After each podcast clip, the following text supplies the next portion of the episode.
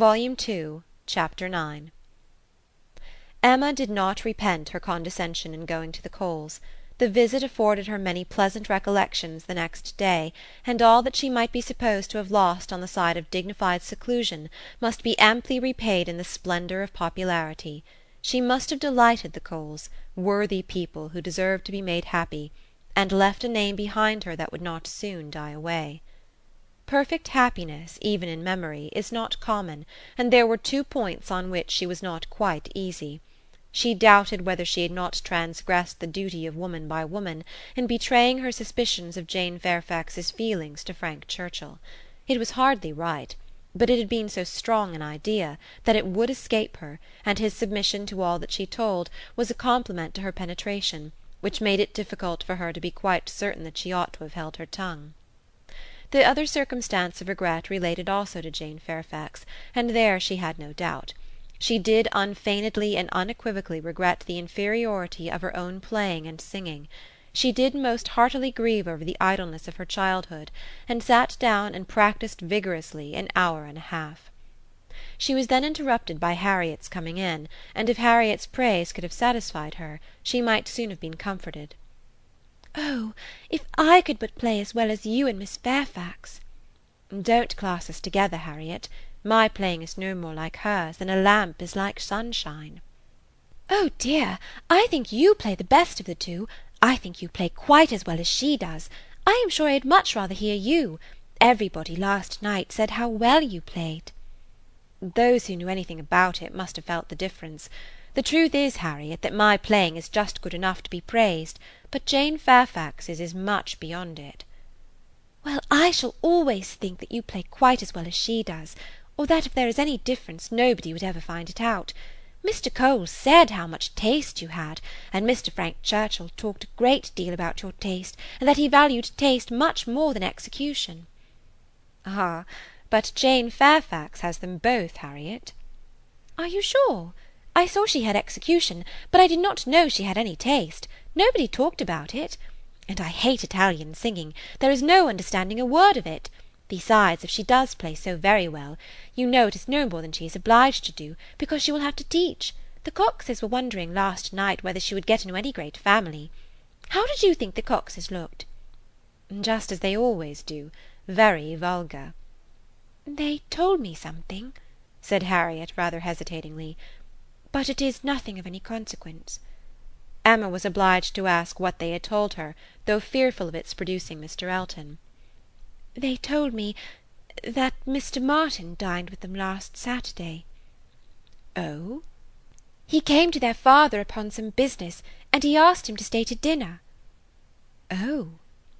"They talked a great deal about him, especially Anne Cox.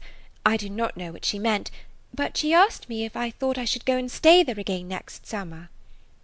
She meant to be impertinently curious, just as such an Anne Cox should be. She said he was very agreeable the day he dined there. He sat by her at dinner. Miss Nash thinks either of the Coxes would be very glad to marry him." "Very likely. I think they are, without exception, the most vulgar girls in Highbury." Harriet had business at Ford's. Emma thought it most prudent to go with her; another accidental meeting with the Martins was possible, and in her present state would be dangerous. Harriet, tempted by everything and swayed by half a word, was always very long at a purchase, and while she was still hanging over muslins and changing her mind, Emma went to the door for amusement. Much could not be hoped from the traffic of even the busiest part of Highbury. Mr. Perry walking hastily by, Mr. William Cox letting himself in at the office door, Mr. Cole's carriage horses returning from exercise, or a stray letter boy on an obstinate mule, were the liveliest objects she could presume to expect and when her eyes fell only on the butcher with his tray, a tidy old woman travelling homewards from shop with her full basket, two curs quarrelling over a dirty bone, and a string of dawdling children round the baker's little bow window eyeing the gingerbread, she knew she had no reason to complain, and was amused enough, quite enough still to stand at the door. A mind lively and at ease can do with seeing nothing and can see nothing that does not answer. She looked down the Randalls road.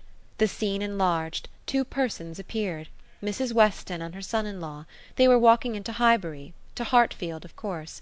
They were stopping, however, in the first place at Mrs Bates's, whose house was a little nearer Randalls than Ford's, and had all but knocked when Emma caught their eye. Immediately they crossed the road and came forward to her, and the agreeableness of yesterday's engagement seemed to give fresh pleasure to the present meeting. Mrs Weston informed her that she was going to call on the Bateses in order to hear the new instrument. "For my companion tells me," said she, "that I absolutely promised Miss Bates last night that I would come this morning. I was not aware of it myself. I did not know that I had fixed a day, but as he says I did, I am going now." "And while Mrs. Weston pays her visit, I may be allowed, I hope," said Frank Churchill, "to join your party and wait for her at Hartfield, if you are going home." Mrs. Weston was disappointed. "I thought you meant to go with me. They would be very much pleased." "Me? I should be quite in the way. But perhaps I may be equally in the way here. Miss Woodhouse looks as if she did not want me. My aunt always sends me off when she is shopping; she says I fidget her to death, and Miss Woodhouse looks as if she could almost say the same. What am I to do?" "I am here on no business of my own," said Emma. "I am only waiting for my friend. She will probably have soon done, and then we shall go home. But you had better go with Mrs. Weston and hear the instrument." "Well, if you advise it. But," with a smile. If Colonel Campbell should have employed a careless friend, and if it should prove to have an indifferent tone, what shall I say? I shall be no support to Mrs. Weston. She might do very well by herself; a disagreeable truth would be palatable through her lips, but I am the wretchedest being in the world at a civil falsehood. I do not believe any such thing, replied Emma. I am persuaded that you can be as insincere as your neighbours when it is necessary but there is no reason to suppose the instrument is indifferent; quite otherwise, indeed, if I understood Miss Fairfax's opinion last night." "Do come with me," said Mrs. Weston, "if it be not very disagreeable to you. It need not detain us long. We will go to Hartfield afterwards. We will follow them to Hartfield. I really wish you to call with me. It will be felt so great an attention, and I always thought you meant it. He could say no more, and with the hope of Hartfield to reward him, returned with Mrs. Weston to Mrs. Bates's door. Emma watched them in, and then joined Harriet at the interesting counter, trying with all the force of her own mind to convince her that if she wanted plain muslin it was of no use to look at figured, and that a blue ribbon, be it ever so beautiful, would still never match her yellow pattern. At last it was all settled, even to the destination of the parcel. "Should I send it to Mrs. Goddard's, ma'am?" asked Mrs. Ford. "Yes no yes, to Mrs. Goddard's. Only my pattern gown is at Hartfield. No, you shall send it to Hartfield if you please. But then Mrs. Goddard will want to see it, and I could take the pattern gown home any day. But I shall want the ribbon directly, so it had better go to Hartfield at least the ribbon. You could make it into two parcels, Mrs. Ford, could not you?" "It is not worth while, Harriet, to give Mrs. Ford the trouble of two parcels. "No more it is." "No trouble in the world, ma'am," said the obliging Mrs. Ford. "Oh, but indeed I would much rather have it only in one. Then, if you please, you shall send it all to Mrs. Goddard's. I do not know. No, I think, Miss Woodhouse, I may just as well have it sent to Hartfield, and take it home with me at night. What do you advise?" "That you do not give another half second to the subject. To Hartfield, if you please, Mrs. Ford." "Ay, that will be much the best," said Harriet, quite satisfied. "I should not at all like it to have it sent to Mrs. Goddard's."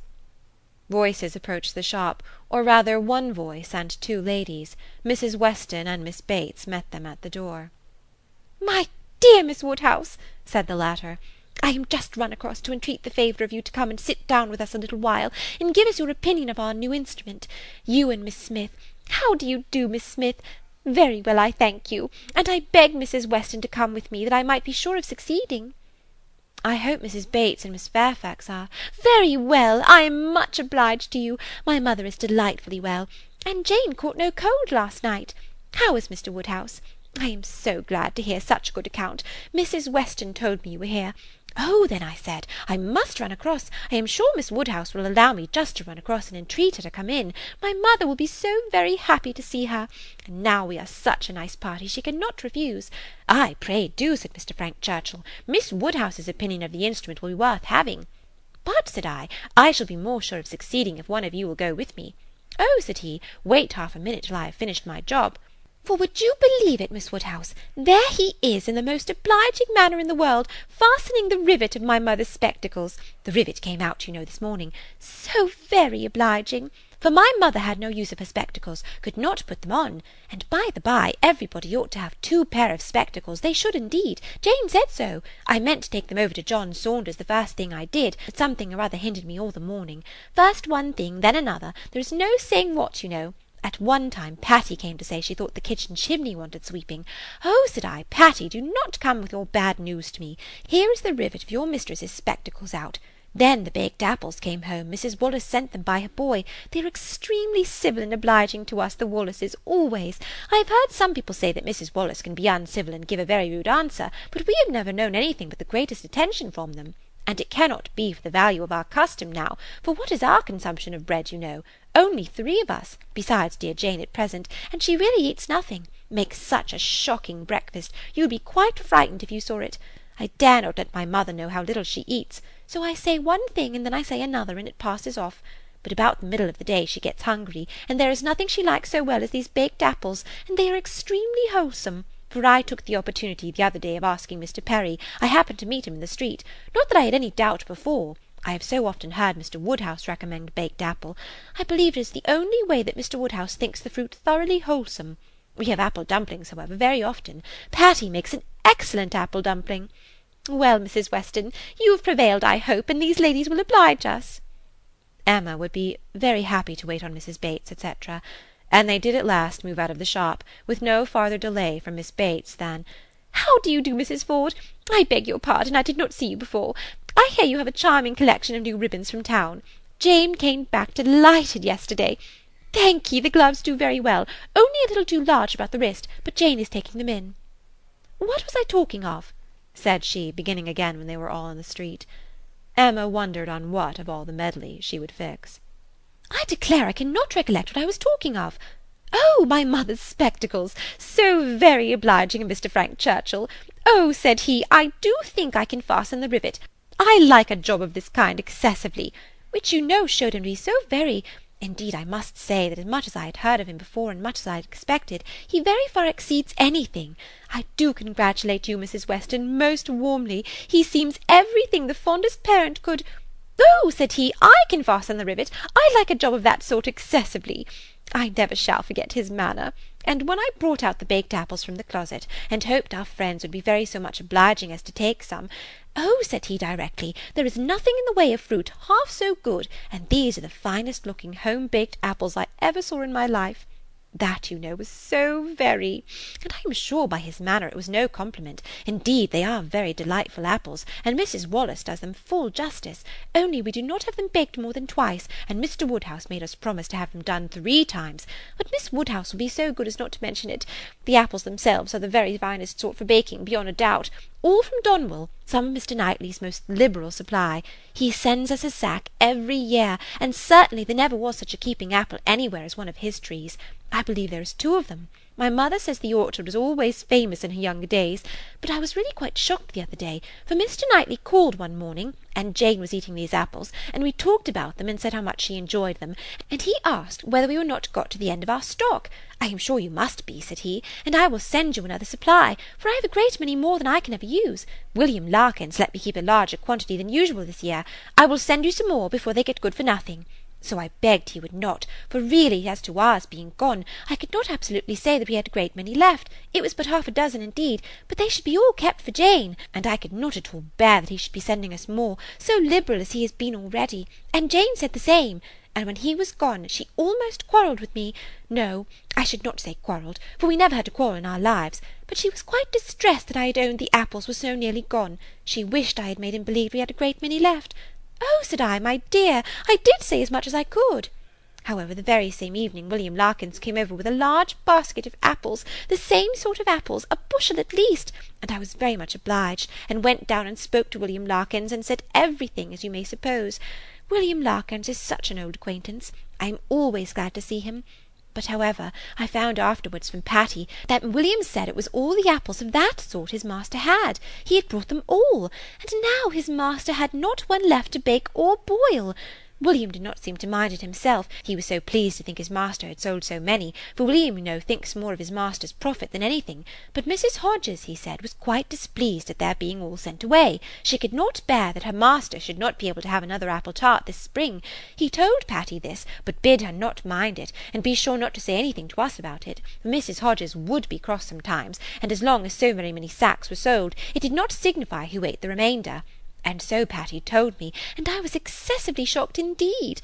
I would not have Mr. Knightley know anything about it for the world. He would be so very I wanted to keep it from Jane's knowledge, but unluckily I had mentioned it before I was aware. Miss Bates had just done as Patty opened the door, and her visitors walked upstairs without having any regular narration to attend to, pursued only by the sounds of her desultory good will. Pray take care, Mrs. Weston, there is a step at the turning. Pray take care, Miss Woodhouse, ours is rather a dark staircase, rather darker and narrower than one could wish. Miss Smith, pray take care. Miss Woodhouse, I am quite concerned, I am sure you hit your foot. Miss Smith, the step at the turning.